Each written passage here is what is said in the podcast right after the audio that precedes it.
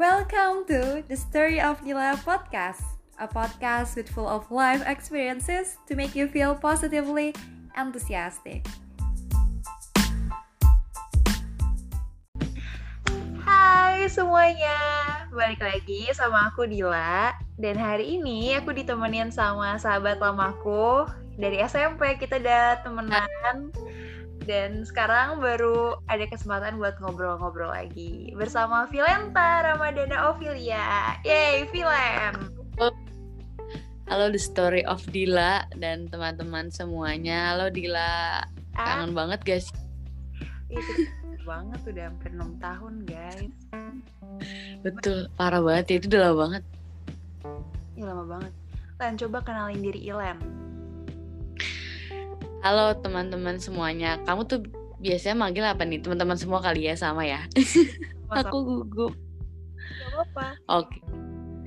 Halo semuanya, nama aku Vilenta Bardanovilia. Ya bisa lah dipanggil uh, Vilen, bisa dipanggil Ilen juga, siapa pun uh, terserah aja.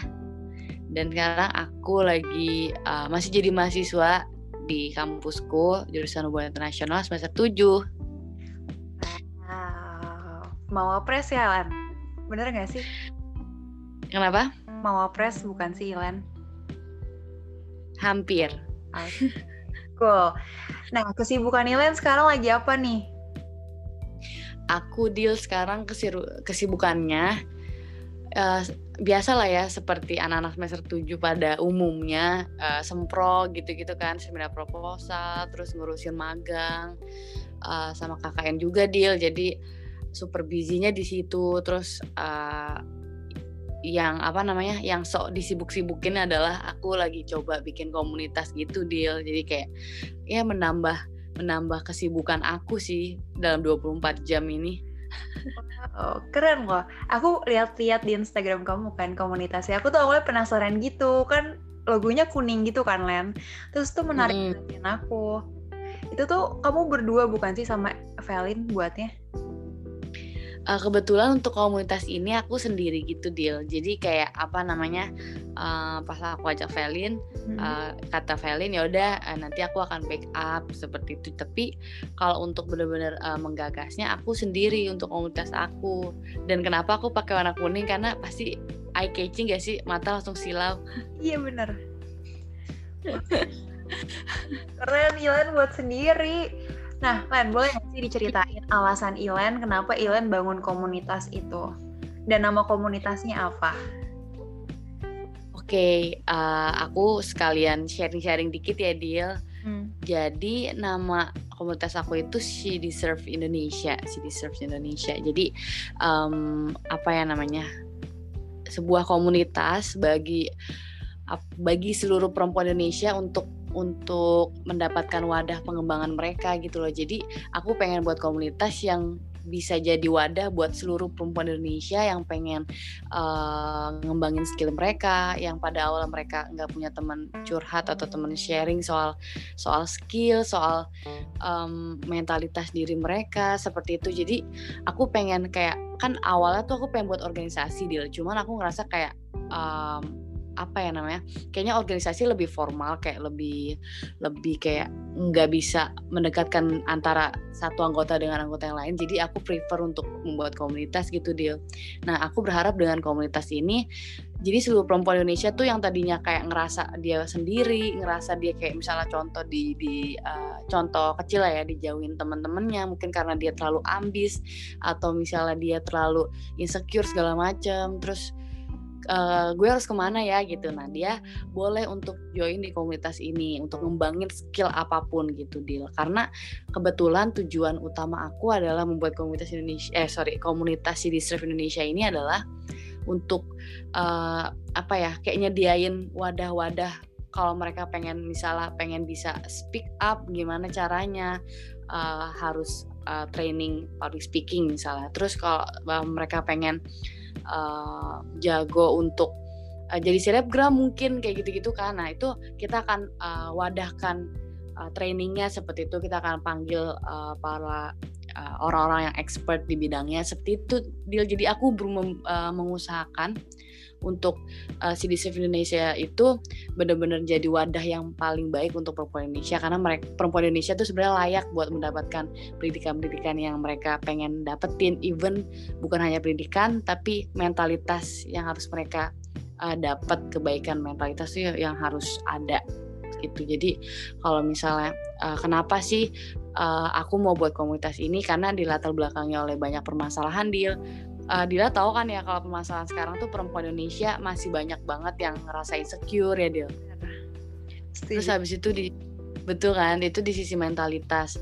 Masih banyak yang gak percaya diri buat speak up. Terus abis itu masih banyak juga yang kayak uh, ngerasa nggak punya temen atau ngerasa yang dirinya udah udah pengen uh, glow up banget nih udah pengen uh, apa udah pengen grow up juga udah pengen uh, berkembang diri cuman nggak ada yang dukung nggak ada support system gitu. Nah di situ apa namanya permasalahan permasalahan seperti itu yang buat aku tuh jadi berinisiatif untuk buat komunitas ini. Kenapa nggak gue kumpulin aja ya orang-orang yang rasa seperti itu kita kumpulin kita buat solusinya bareng-bareng. Terus di sisi lain kayak ada masalah pendidikan yang even bukan bu, mungkin kayak kita ngelihat ya deal kalau um, semua orang itu atau semua perempuan udah dapat akses pendidikan yang sangat uh, mudah gitu. Tapi kita nggak lihat loh uh, ada segelintir perempuan-perempuan di luar sana, khususnya yang kayak misalnya contoh kayak di pinggir jalan ada perempuan-perempuan yang mengemis ya guys sih Kamu pernah lihat gak? Pernah banyak banget. Iya kan, yang kayak perempuan mereka masih muda tapi ngamen terus jadi anak pang segala macam. At least bukan aku menjudge bahwa anak pang itu buruk, tapi kayak uh, value dari di balik itu kayak mikir uh, emang mereka enggak enggak sekolah ya? Emang mereka enggak enggak bisa uh, uh, dapat pekerjaan yang lebih layak buat mereka gitu? Terus perempuan-perempuannya yang ngemis gitu-gitu itu kan berarti ada segelincir perempuan di luar sana yang masih belum mendapatkan hak pendidikan yang merata karena di situ rencananya CDC Indonesia hadir untuk uh, jangka panjangnya membuat mereka-mereka itu jadi memiliki uh, hak pendidikannya seperti itu deal tapi itu masih rencana yang uh, awam banget gitu. Seperti itu sih deal jadi kenapa aku buat series Indonesia? Wow aku menarik tau menurutku ya. Dan itu mm. tadi aku merinding dengar kamu ngomong Len. Karena aku nggak nyangka ternyata di balik itu alasannya banyak banget. Nah Len tadi kan kamu sempat nyebutin mm. tentang uh, perempuan yang ambis menurut kamu hmm. di pandangan kamu perempuan ambis tuh gimana sih soalnya banyak nih ya aku kan juga ada di organisasi X lah ya terus mm -mm. mungkin terlihatnya sekarang kayak aku ambis padahal kayak ya aku enjoy my life aja menurut Ilan gimana pandangan tentang perempuan ambis Iya loh Dil, itu tuh yang lagi mungkin ya, mungkin bukan hanya aku yang ngerasain, tapi banyak banget ya yang ngerasain. Kamu mulai kamu lagi ngerasain juga gak Dil? Iya pasti. Uh-uh. iya kan, jadi kayak ngerasa mungkin kalau menurut aku perempuan ambis adalah perempuan yang uh, bawaannya nggak nggak mau diem, bawaannya pengen ya uh, eksplor sana sini, terus terkesan bukan hanya uh, ambis di depan orang tua atau ambis di depan cowok-cowok, bahkan kita juga kelihatannya ambis di depan teman-teman kita sendiri sampai teman-teman kita nggak bisa ngikutin kita kayak, betul, ih lo ambis banget sih gitu kan deal kayak apa namanya uh, susah banget deh gue buat ngikutin jejak lu terus pada akhirnya kita jadi ditinggalin segala macam. Itu tuh yang uh, banyak banget perempuan yang lagi ngerasain saat ini tapi dia kebingungan gitu loh. Jadi kayak ini gue salah atau bener ya? gitu. Ini gue ambis itu salah atau bener ya? Dan menurut gue uh, perempuan perempuan ambis itu nggak ada nggak ada salahnya sama sekali. Karena uh, untuk saat ini lu nggak ambis ya lu nggak akan maju gitu gak sih Dil? Setuju. Setuju banget sama Ilan. Setuju sih. Iya karena uh, uh, uh, karena tujuan kita kan sebagai perempuan tuh pasti kita punya dong. Tujuannya pasti sebagai orang tua achieve goal Betul. kita. Cuman uh, uh. pasti banyak orang-orang yang mencibir di belakang itu. Nah, betul kenapa sih perempuan hmm. itu harus diberdayakan kenapa perempuan harus diberdayakan kalau misalnya kita lihat realita yang sekarang ya, aku bukannya bener-bener seksism kayak uh, bener-bener mengkotak-kotakan antara perempuan dan laki enggak. Cuman kita lihat pada realitanya adalah uh, saat ini kita ngelihat kayak uh, perempuan tuh sebenarnya bisa loh untuk bi, uh, untuk lebih dari laki-laki ya gak sih? Dari dari dari berbagai aspek dari berbagai bidang bahkan dari berbagai job gitu. Kayak misalnya uh, even dulu pada masa uh, pada masa-masa yang sebelumnya gitu uh, semua orang menganggap bahwa perempuan itu nggak bisa tuh buat jadi bos misalnya nggak uh, bisa buat bikin perusahaan nggak bisa jadi um, segala macamnya gitu. Tapi pernyatanya kayak uh, ada segelintir perempuan-perempuan yang mencoba mereka ambis tuh. Terus mereka mencoba untuk memberdayakan diri mereka sendiri mereka belajar giat mereka sampai kuliah S3 di luar negeri misalnya atau uh, atau something gitu Nah, pada akhirnya mereka bisa tuh jadi jadi apa namanya? jadi yang pemilik perusahaan. Terus ada juga yang uh, kita tahu ya ada perempuan aku lupa namanya. Uh, sosok perempuan tapi dia saat ini menjadi uh, rektor termuda di sebuah universitas. Nah, terus itu kan uh, dia perempuan juga kan. Dan itu menurut aku kayak oh, jadi value-nya adalah kayaknya perempuan bisa nih untuk memberdayakan diri mereka sendiri. Karena pada hakikatnya perempuan sebenarnya bisa gitu buat jadi apa pun. Cuman mungkin ada keterbatasan atau ada faktor-faktor lain yang padahal uh, itu tuh dari diri mereka sendiri loh. Uh, pola pikir itu uh, yang muncul atau keterbatasan itu itu sebenarnya dari diri mereka sendiri yang nggak mau ngedobraknya. Jadi kalau menurut aku memberdayakan perempuan adalah hal yang paling uh, bagus hal yang paling uh, apa ya namanya paling baik lah untuk dapat membuat harga diri wanita atau perempuan itu lebih lebih naik level gitu. Banyak kan deal yang kayak sekarang kayak um, contoh kayak kenapa sih uh, kok uh, perempuan cuma disuruh masak aja di rumah? Uh, ini mau ujung cuma jadi babu kalau udah jadi suami segala macam eh apa sorry kalau misalnya udah udah udah berumah tangga kayak kayak gitu-gitu kan kayak misalnya uh, di matanya uh, di mata banyak orang tuh perempuan kayak uh, jatuh banget gitu ya uh, lemah banget segala macam. Sebenarnya tuh itu harusnya yang bisa mendobraknya adalah perempuan itu sendiri iya guys sih? Jadi dengan memberdayakan perempuan itu secara langsung perempuan bisa menaikkan level diri mereka sendiri gitu. Jadi kenapa aku buat komunitas di Indonesia? Karena aku pusing ngedengerin semua orang atau bahkan semua perempuan yang selalu kayak komplain selalu ngeberontak kenapa dirinya di um, maaf kayak dilecehkan atau kenapa uh, dianggap lemah segala macam. Karena pada ikatnya perempuan itu sendiri yang harusnya mendobrak diri mereka gitu dengan memberdayakan uh, skill mereka, uh, mengembangkan kemampuan-kemampuan mereka, tunjukkan bahwa kita juga bisa gitu uh, menjadi apa yang kita mau karena kita layak seperti itu sih Dil. Wow, menarik. Oh ya Len, by the way ya, aku tuh sering dengar hal-hal kayak perempuan dipilih untuk satu posisi karena dia cantik. Intinya karena dia cantik, terus keduanya karena dia pinter. Jadi karena dia cantik, terus dia punya nama akhirnya dia dipilih duluan. Mm. Ilem Ilen pernah gak sih ngerasain hal itu? Atau enggak Ilen pernah tahu cerita kayak gitu dari sekitar Ilen? Terus pandangan Ilen terkait hal itu gimana? Oh, jadi kayak apa ya? Kayak privilege apa beauty privilege gitu gak sih Del namanya? Benar iya kayak uh, pokoknya yang cantik dia pasti selalu jadi utama gitu kan selalu dikedepankan. Iya jujur dia aku tuh kesel banget kalau udah ada orang yang ngomong kayak gitu kayak misalnya uh, ya somehow kayak um, keluarga aku pun kayak di lingkungan aku masih banyak yang ngomong kayak gitu ya. Masih banyak banget yang memiliki pola pikir seperti itu. Kayak uh, misalnya ada ada si A dia cantik terus dapat dapat hadiah atau dapat uh, kesempatan buat menduduki jabatan terus dibilang kayak oh iya karena dia cantik kali gitu segala macam. Itu kalau udah ada di depan aku ada yang ngomong kayak gitu bener-bener aku bantah banget deal karena aku ngerasa kayak um, lu nggak tahu usaha si cewek itu gimana buat ngeraih apa yang dia mau gitu. Uh, jujur pengalaman aku aku juga pernah berada di posisi seperti dan aku marah besar di aku ngerasa kayak ini gue udah mati-matian belajar misalnya udah mati-matian buat uh, sambis ini uh, gue um, begadang segala macam buat belajar segala uh, terus abis itu buat buat apa ya namanya buat ngeusahain supaya gue dapet uh, prestasi ini. Tapi terus uh, mereka menilai hal seperti itu kayak itu itu enggak banget sih. Itu namanya kalau menurut uh, menurut aku ya deal enggak uh, adil juga buat kita buat kita yang yang yang udah berusaha gitu. Enggak ada apa ya enggak make sense lah antara uh, beauty privilege sama apa yang kita udah uh, usahain gitu. Toh kalau misalnya emang gue nggak belajar gitu kalau emang gue nggak nggak berusaha atau juga gue nggak nggak akan menang gitu seperti itu sih deal jadi kalau menurut aku itu nggak adil sih kalau ada kata-kata uh, beauty privilege. Karena sebeauty beautynya orang kayak Miss Indonesia Miss Universe juga mereka juga harus belajar dulu. Wow. benar aku setuju banget. Pasti semuanya harus belajar. Nggak mungkin mereka karena cantik langsung dapat jalur referral nah Len anyway, mm. apa yang ngebuat Ilen selalu percaya diri ini kan Ilan sekarang udah ngebangun komunitas dan Ilan berani untuk ngedobrak diri Ilan sebenarnya.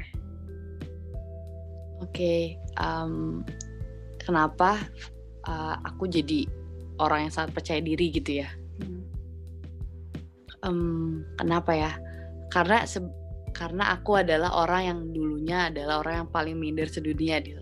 Jadi aku bener-bener apa ya yang buat aku jadi uh, berani uh, bertindak atau misalnya berani untuk memulai sesuatu terus berani mendobrak uh, keadaan atau segala macam sampai buat komunitas pengembangan wanita ini karena aku ngerasa kayak apa namanya karena aku bukan apa-apa gitu. Jadi semua semua hal-hal yang membuat aku minder semua hal-hal yang membuat aku kayak uh, di pikiran aku jadi sebuah permasalahan itu yang bener-bener uh, apa ya jadi ambisi aku untuk untuk merubah hal itu. Kayak dulu aku misalnya orangnya um, orangnya tuh aku minderan banget terus aku orangnya kayak bener-bener ngeliat orang jadi down di uh, ngeliat orang dikit jadi down ngeliat orang dikit jadi down. Jadi aku kayak uh, jadi jadi jadiin motivasi diri buat kayak ayo kalian belajar pelan-pelan buat buat nggak down. Karena sebenarnya lu tuh punya kemampuan yang orang lain juga nggak punya gitu. Jadi ada masing-masing kemampuannya gitu.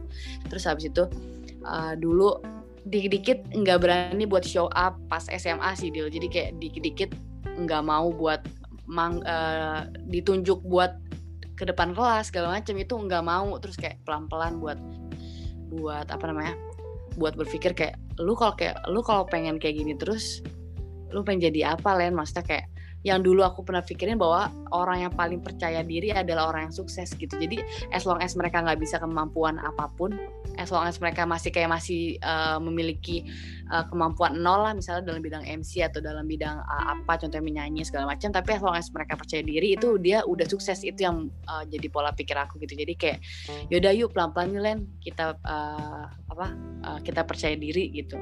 Jadi gitu sih. Jadi hal yang membuat aku percaya diri adalah diri aku sendiri yang uh, pada masa lalu adalah yang minder gitu. Jadi kalau misalnya aku masih apa ya, kalau misalnya aku ngerasa aku nggak berani ini buat mulai sesuatu, aku harus mikir dulu kayak apa namanya, uh, lu mau kayak gimana uh, nanti di ke depannya gitu. Terus habis itu yang kedua, dulu tuh lu minderan, dulu tuh lu insecurean dan apa hasilnya? Nggak ada apa-apa kan nothing. Hidup lo hampa segala macam selama tiga tahun hampa nggak ada apa-apa. Itu lo mau kayak gitu lagi. Jadi uh, traumatis uh, masa lalu yang selalu membangkitkan semangat aku sih buat percaya diri dia oh cool. By the way aku jadi ingat uh, satu quote. Jadi seseorang yang harusnya kita bandingin sama diri hmm. kita hmm. adalah diri kita di masa lalu. Dan itu yang Ilan ah. bicarakan. Cool by the way betul. pernah mm. uh, Ilan kan sekarang udah termasuknya udah percaya diri udah jadi lebih berani. Tapi pernah nggak Ilan ada di kondisi di mana Ilan tuh ngerasa kayak orang-orang di sekitar Ilan nggak percaya sama apa yang Ilan lakuin? Terus gimana tuh Ilan saat itu menghadapi orang-orang tersebut? Atau orang-orang yang mencibir lah sampai saat ini masih ada deal bahkan sampai detik ini pun masih ada yang kayak nggak percayaan sama apa yang pilihan pengen bangun apa yang pilihan katakan gitu. Um, kayak kemarin atau uh, sebulan yang lalu itu banyak banget yang ngecibir kayak Len lu ngapain sih bikin komunitas kayak nggak ada kerjaan? gitu. Terus um, terus ngapain bikin komunitas seperti itu? Itu tuh nggak nggak nggak eye catching apa yang lu bawa uh, apa namanya apa ya namanya permasalahan yang lu bawa ke masyarakat itu tuh nggak nggak nggak maksudnya nggak eye catching karena soal perempuan segala macam gitu-gitu uh, ngapain deh? Itu nggak permasalahan yang cukup krusial kata orang banyak ngomong kayak gitu. Terus kayak uh, apa namanya banyak banget deal.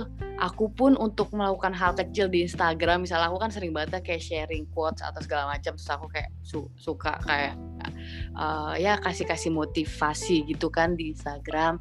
Banyak banget ya kayak kayak ngecibir terus kayak udah deh Len lu tuh nyerah aja kenapa sih masih narsis aja di Instagram? Terus kayak kan kenapa sih lu tuh masih positif vibe? Udah uh, kadang tuh kita emang harus lihat kenyataan bahwa hidup tuh nggak se nggak sepositif yang lu kira gitu. Uh, mau mau lu bilang udah jangan menyerah tapi kalau emang ujung-ujungnya orang mau nyerah gimana? Itu banyak banget sih. Apalagi juga um, maaf ya deal kayak teman-teman aku atau di lingkungan aku masih banyak banget kok yang bahkan sahabat-sahabat aku aja tuh bener-bener nggak ngedukung eh, nggak uh, tahu sih dukung atau enggak cuman bener-bener kayak tidak menunjukkan bahwa mereka mendukung aku gitu. Kayak malah kayak di ngapain dia lu buat YouTube? gitu. Nggak banget karena lu tuh nggak nggak um, pakai kamera terus uh, topik yang lu bawa tuh nggak pernah menarik segala macam macam kayak oh oke okay, gitu uh, semakin semakin aku berkembang aku ngerasa semakin banyak semakin banyak orang yang ngejauhin aku gitu. Nah itu yang buat aku kayak berpikir apa namanya dulu atau kemarin-kemarin aku ngerasa kayak oh ya udah kayak gue berhenti aja kali ya buat buat kayak gini-gini. Udah gue ikutin alurnya teman-teman gue kayak gimana mereka main-main terus mereka bikin apa bikin apa terus gue ikutin. Uh, gitu aja kali ya atau diem-diem aja atau jadi orang yang mageran segala macem gitu kali. Nah tapi kalau kalau gue mikir gitu gue eh, nggak uh, bisa diem deal langsung yang kayak apa nggak bisa diem dikit gitu loh orangnya. Jadi kalau misalnya udah udah nggak ada kerjaan dikit kayak aduh gue ngapain ya? Gue pengen apa ya? Gue pengen apa ya? Selalu kayak kalau bahkan kalau untuk nggak ada kerjaan sedikit gue kayak ngerasa uh, ber apa ya gue selalu merasa berdosa. Lo kok hari ini gue ngapa-ngapain ya? Parah banget sumpah gitu. Nah itu jadi kayak apa namanya hmm, uh, selanjutnya untuk untuk buat mereka apa sorry sorry untuk buat diri gue uh, jadi kayak calm atas cibiran-cibiran mereka atas judge mereka yang begitu toxic buat gue kayak uh, lama kelamaan gue mikir uh, kayaknya sometimes it's fine untuk tidak memiliki teman kayaknya nggak masalah deh untuk nggak memiliki sahabat yang benar-benar deket. Nanti toh juga kalau lu udah sukses semua orang pada datang ke lu gitu. Jadi uh, aku menyadari banget deal kalau misalnya sekarang nih aku bener-bener nggak terlalu punya banyak sahabat tapi it's fine nggak apa-apa. Masih ada diri lu sendiri yang bisa ngekam lah. Masih banyak kok hal-hal yang uh, bisa buat lu bahagia selain seorang teman gitu. Nah nanti kalau untuk uh, kesuksesan lu udah datang pasti temen juga banyak kok yang dateng kayak gitu. Jadi uh, cukup tutup kuping aja sih. Kayak gitu deal kayak apa namanya lebih uh, lebih ngerasa kayak diri tuh harus punya boundaries harus punya batas aja sama orang lain. Yes. buat buat iya betul kan buat diri kita nggak ngerasa insecure lagi buat diri kita nggak ngerasa kayak ah ini bener gak ya apa yang gue lakuin? Padahal mah bener padahal mah orang kayak biasa aja cuman sahabat-sahabat uh, kita langsung bilang kayak pensiunan gaji banget gitu kan buat buat apaan sih? Gitu. Itu ya. kayak mm, bahkan jadinya ngejatuhin kita dan kita malah jadi ngedown dan itu sia-sia banget jadi kita. Eh, bener sih lain bener-bener. Aku kalau aku dari aku sendiri ya itu kan tadi pengalaman. Iya betul. Kalau dari hmm. aku sendiri, aku sekarang aku ada di circle yang positif menurutku, tapi aku pernah di circle yang kurang positif sampai akhirnya hmm. aku tuh lebih baik menghindari hal-hal seperti itu daripada aku kecewa. Karena dulu aku pernah hmm. ada di circle yang kurang positif, akhirnya aku kecewa dan jadinya kayak aku cukup tahu gitu. Terus aku Tapi, juga... lingkungan yang positif atau negatif tuh maksudnya seperti apa? Lingkungan positif. Jadi lingkungan positif buat aku sendiri sih kayak dia teman-temanku itu tuh ngedukung apa yang aku lakukan. Even kalau misalnya aku nggak bisa main tapi mereka hmm. tetap ya respect aku as dear friends. Bukan mm -mm uh, malah ngobrolin di belakang kayak gitu atau sesimpel kayak um, kalian aku tuh nggak butuh aku nggak butuh tipe yang friendship tapi harus chatan setiap hari itu bukan aku banget karena aku nggak bisa tapi aku hmm. mendoakan apa pun yang dilakukan sama sahabatku itu ya yang terbaik kayak gitu itu sih menurut aku lingkungan positif terus kalau yang negatif um, -hmm. kalau negatif tuh yang lebih ke kita nggak sejalan, kita nggak sefrekuensi, tapi kita memaksakan. Jadinya malah toksik menurutku. Ya betul banget Dil. Nah. betul betul. By the way, hmm. aku juga sempat ngeliat YouTube kamu gitu kan, dan kamu sempat ngebahas banyak hal. Aku tertarik hmm. sebenarnya sama bahasan-bahasan kamu karena jarang banget ada cewek yang berani untuk merubah dirinya untuk jadi lebih berani. Dan sekarang pun aku tadinya ya Len, aku tuh jarang banget uh, main Instagram untuk nge-share hmm. tulisan gitu Aku hmm. emang jarang ngetik sih sebenarnya. Tapi sekarang aku mencoba untuk sharing lewat Spotify karena aku ngerasa mungkin aku nggak bisa lewat ketikan tapi mungkin suara kita bisa bermakna gitu. By the way nih. Nice. Aku mau nanya ke Ilan. Tadi kan berkaitan dengan lingkungan sekitar. Berarti ada support system, ada juga yang non support system. Menurut mm -hmm. sepenting apa sih sebenarnya support system yang ada di sekitar Ilan? Kalau menurut aku deal support system itu sangat sangat penting banget kayak um, apa namanya sangat pentingnya tapi kadarnya cuman 80% kalau menurut aku. Kenapa? Karena sebenarnya aku adalah seorang manusia yang uh, apa ya tidak terlalu membutuhkan support system dari lingkungan dia karena aku sadar bahwa lingkungan aku mungkin saat ini ya melihat dari faktanya kurang kurang mendukung aku buat uh, buat um, speak up, buat berkembang sesuai yang aku mau, buat ngapa-ngapain tuh kurang. Nah, dengan adanya fakta seperti itu, dengan adanya keadaan seperti itu, aku jadi ngerasa bahwa kayaknya support system di lingkungan tuh nggak terlalu penting deh buat gue. Kayak cuman 70%, 80% yang paling bener-bener buat aku jadi ambis banget untuk um, apa namanya? untuk berkembang adalah diri aku sendiri benar-benar diri aku sendiri kayak apa namanya jadi menurut aku support system terbesar adalah diri sendiri sebesar 100% fix karena uh, kalau menurut aku uh, percuma gitu loh aku mengharapkan atau benar-benar aku kayak uh, bahasanya mengemis-ngemis untuk meminta support system dari lingkungan. Pada hakikatnya mereka pun hanya uh, sebenarnya nggak yang terlalu ngedukung banget gitu loh Dil. Even kayak keluarga atau misalnya kayak temen segala macam uh, mungkin ada segelintir orang yang benar-benar ngedukung kita ayo Len lu pasti bisa. Ayo Len kamu pasti bisa kok. Ayo semangat gitu kan. Tapi di sisi lain uh, kita nggak tahu ya. Aku selalu memiliki pola pikir bahwa manusia itu selalu uh, terlihat baik hanya karena mereka ingin um, membutuhkan sesuatu. Jadi kayak um, aku bertanya kenapa mereka mendukung saya? gitu. Uh, apakah mereka ingin sesuatu dari saya? Jadi aku ngerasa kayak selalu punya boundary sama orang lain sampai aku ngerasa bahwa yang benar-benar membutuhkan segala hal buat diri aku itu keperluannya harus diri aku sendiri yang mempersiapkan. Jadi dari mulai support system sendiri aku yang buat. Dari mulai kayak misalnya aku lagi insecure segala macam aku lagi ngerasa capek aku sendiri harus menopangnya aku nggak minta orang lain buat uh, nge-backup segala hal gitu. Terus buat yang bener-bener aku mengemis ke mereka ayo dong uh, dukung gue atau segala macam. Sometimes iya tapi kayak it just formality it just formality. Cuman formalitas utamanya harus ada di aku gitu sih deal jadi menurut aku 70% 80% untuk support system di lingkungan wow sisanya dari diri sendiri betul banget oke okay. tadi kan berkaitan dengan support system Mungkin mm -hmm. dari aku sendiri, aku juga setuju sih sama Ilan karena semua balik lagi ke diri kita. Kalau bukan mm -hmm. kita, siapa lagi? By the way, iya, betul bang. Mm -hmm. Ilan kan saat ini tuh ibaratnya sedang sedang mengalami fase-fase yang ingin orang-orang tahu Ilan tuh seperti apa. Harapan mm -hmm. Ilan untuk komunitas Ilan ke depannya tuh Ilan berharapnya bagaimana? Um, ini adalah pertanyaan yang sangat membuat aku jadi kayak berangan-angan gitu loh, Dil. Oke, okay. kalau untuk harapan aku untuk komunitas CD Serve Indonesia dalam jangka pendek adalah ingin membangun sebuah apa ya komunitas uh, wadah pendidikan terbesar buat perempuan Indonesia untuk jangka pendeknya seperti itu. Jadi kayak pelan-pelan uh, segala skill yang dibutuhkan setiap wanita nanti akan diwadahkan di CDC Indonesia.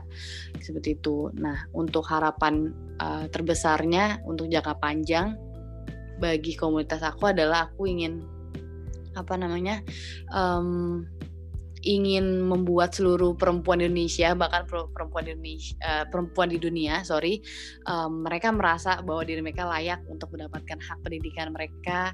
Mereka ngerasa mereka deserve untuk um, mendapatkan hak mentalitas mereka yang baik uh, jiwa mereka yang tenang jiwa mereka yang baik. Terus apa namanya uh, mereka layak untuk bahagia segala macam tidak tidak terganggu atau tidak terkontaminasi oleh segala hal-hal yang uh, merusak mentalitas dia. Kayak misalnya contoh ada permasalahan di keluarga ada permasalahan di keka, apa uh, pasangannya kayak toxic segala macam hal-hal seperti itu. Bahkan kenapa aku bilang jangka panjang? Karena bukan hanya untuk perempuan Indonesia tapi perempuan di uh, seluruh dunia gitu. Jadi berharap komunitas ini nanti bisa sampai ke seluruh dunia gitu. Tapi itu masih jangka panjang itu masih uh, masih halu ya aku ya ya masih ngehalu tapi uh, insya Allah kalau aku niat pasti akan aku kerjakan gitu sih deal Oke, okay, cool.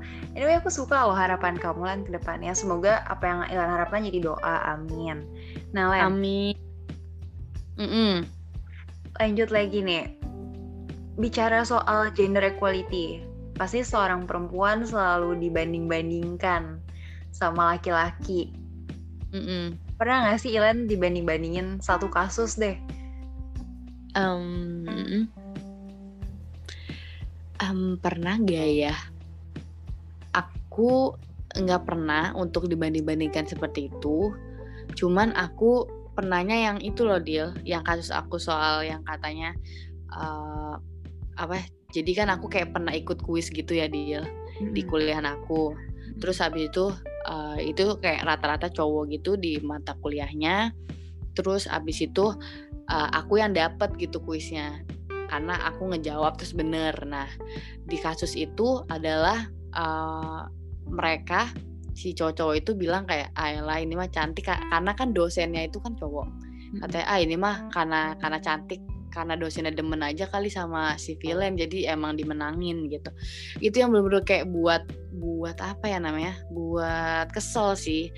Even kayak apa ya even bukan dibanding bandingin sih uh, bukan dibandingin antara antara cewek dan cowok sih deal cuman di situ kayak ngerasa uh, di uh, apa ya pola pikir cowok kalau cewek itu sebenarnya nggak akan bisa menang kecuali dia cantik gitu. Setuju. Uh, seperti buat uh, ya apa ya hal seperti itu yang buat aku kayak kesel banget itu di di uh, di hari itu di di di waktu itu aku bener-bener kesel banget dia itu kedengeran banget di kuping aku ngomong seperti itu dan aku bilang kayak eh kalau gue nggak belajar gue nggak akan bisa kayak gini. Pola pikir lu itu salah banget uh, soal kalau misalnya perempuan itu sebenarnya lemah parah lemah banget. Dia bakal jadi high dia bakal jadi Miss Indonesia dia bakal jadi uh, Najwa segala macam kalau dia cantik kalau dia jelek dia biasa aja. Kalaupun dia jelek dia pengen berusaha keras dia harus punya privilege yang lain kayak segala macam kan. Uh, tahta yang lain-lain. Nah itu tuh yang hal-hal seperti itu yang pola pikir seperti itu tuh harus dihapus banget di pikir uh, di di apa ya di pemikiran uh, masyarakat ataupun di pemikiran laki-laki itu sendiri. Karena sebenarnya cewek bisa kok. Lu nggak usah khawatir. Sebenarnya tuh mereka insecure gitu guys sih deal cewek tuh bisa apa pun. Cewek Bener. bisa jadi presiden atau segala macam. Jadi dia tuh kayak memanipulasi uh, mereka-mereka uh, nggak mau diri mereka jatuh dengan cara mereka uh, nge-influence orang-orang bahwa sebenarnya tuh cewek ah dia mah karena cantik aja kali sebenarnya mah dia nggak bisa gitu. Itu sih yang paling aku bikin kesel. Wow. Ternyata pengalaman Ilan ini tuh benar-benar ngebuat Ilan jadi berani banget. Soalnya aku ngeliat ya Ilan dari yang mm -hmm. kamu SMP sama Ilan yang sekarang itu mm. sih lihat perubahan kamu makanya aku ngundang kamu sekarang karena aku pengen mm -mm. jauh lagi gitu Lem iya. terakhir mm -mm. pertanyaan aku satu, mm -mm. uh, satu kalimat yang Ilen selalu ingat sebagai perempuan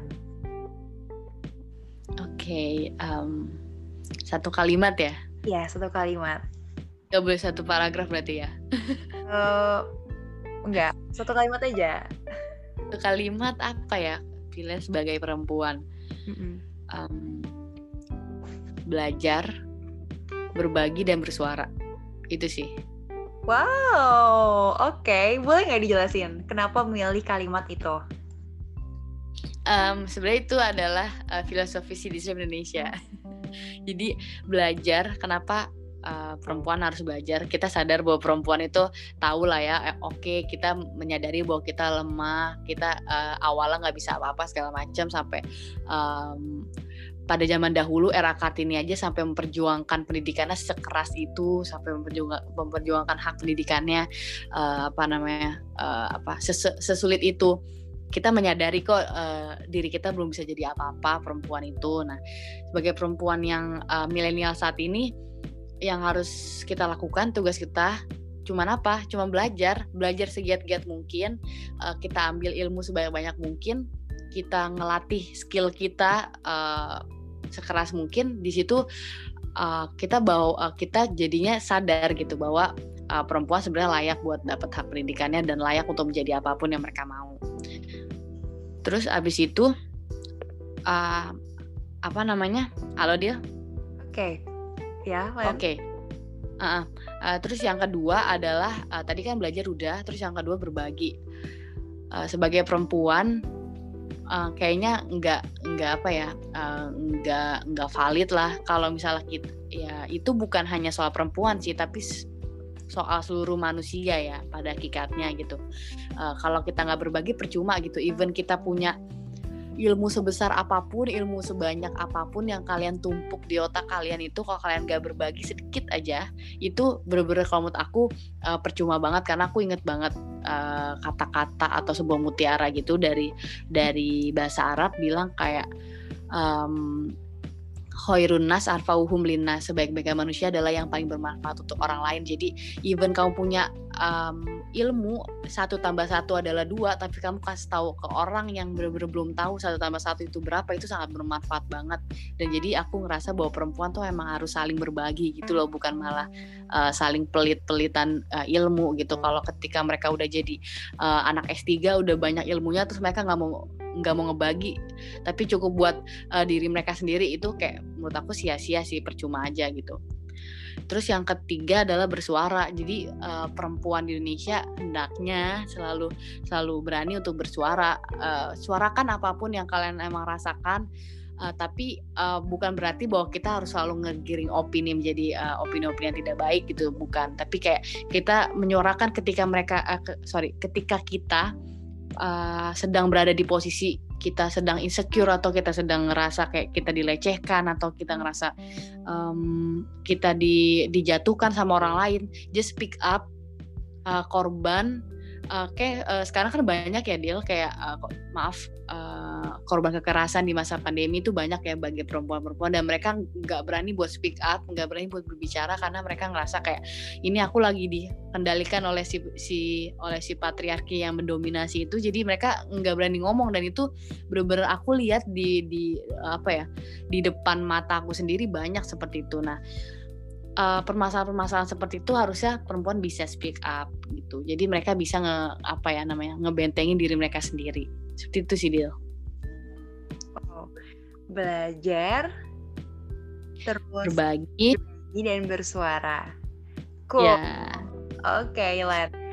Ada um, sedikit pesan terakhir buat pesan singkat aja buat perempuan-perempuan Indonesia di luar sana dari Villain okay.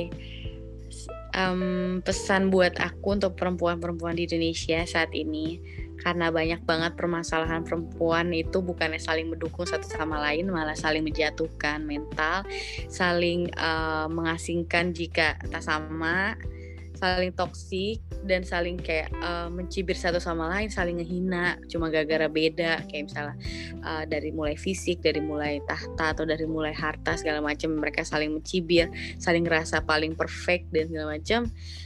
Uh, bukannya harusnya kita saling mendukung ya sama satu uh, sesama perempuan um, dan pesan dari aku sih intinya untuk perempuan uh, sesama uh, apa namanya perempuan se Indonesia gitu untuk woman supporting woman sih untuk perempuan mendukung perempuan yang lain. Jadi kita jadinya perempuan perempuan Indonesia tuh kuat gitu loh karena nggak ada lagi uh, perempuan nanti di luar sana yang insecure cuma gara-gara cibiran dari perempuan yang lain terus uh, dijatuhkan mentalnya gara-gara perempuan yang lain jadi kita semua sama-sama uh, jadi perempuan yang confident perempuan yang sama-sama membangun perempuan yang mentalitasnya sangat terjaga dengan baik seperti itu sih Dil jadi woman support woman Wow, cool.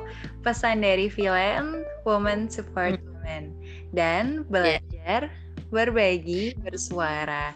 Itu dari That's Yay. Anyway, kita udah sampai di akhir podcast kali ini. Dan untuk kalian yang penasaran sama komunitasnya Villain, kalian bisa banget langsung cari di Instagram. Yeah. Namanya apa, Len? cdserves.id Oke, okay, dan saat ini lagi buka untuk seminar gitu nggak sih? Bener, Len? Betul banget Dil. Jadi aku lagi buka sesi uh, webinar gitu dalam rangka memperingati Hari Anti Tanpa Kekerasan Perempuan Dil. Nah, itu kita mengundang pembicara Kak Shirley Annavita itu motivator juga kan Dil. Keren banget ya beliau. Nah, itu aku harap bisa uh, apa ya namanya bisa bermanfaat ilmu-ilmu dia. Nah gitu deal. Jadi kalau mungkin Dila dan teman-teman semua di sini ingin uh, join bisa langsung uh, cari-cari infonya di Instagram si Oke, okay. cool. Jadi untuk kalian yang mau join juga di komunitas lain, kalian bisa banget hubungin di sana. Dan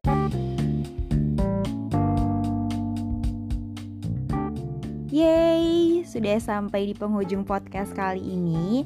Untuk kalian yang mendengarkan, terima kasih banyak. Semoga apa yang dibicarakan tadi memberi makna dan dampak positif bagi diri kalian. So, see you in another podcast session and bye bye.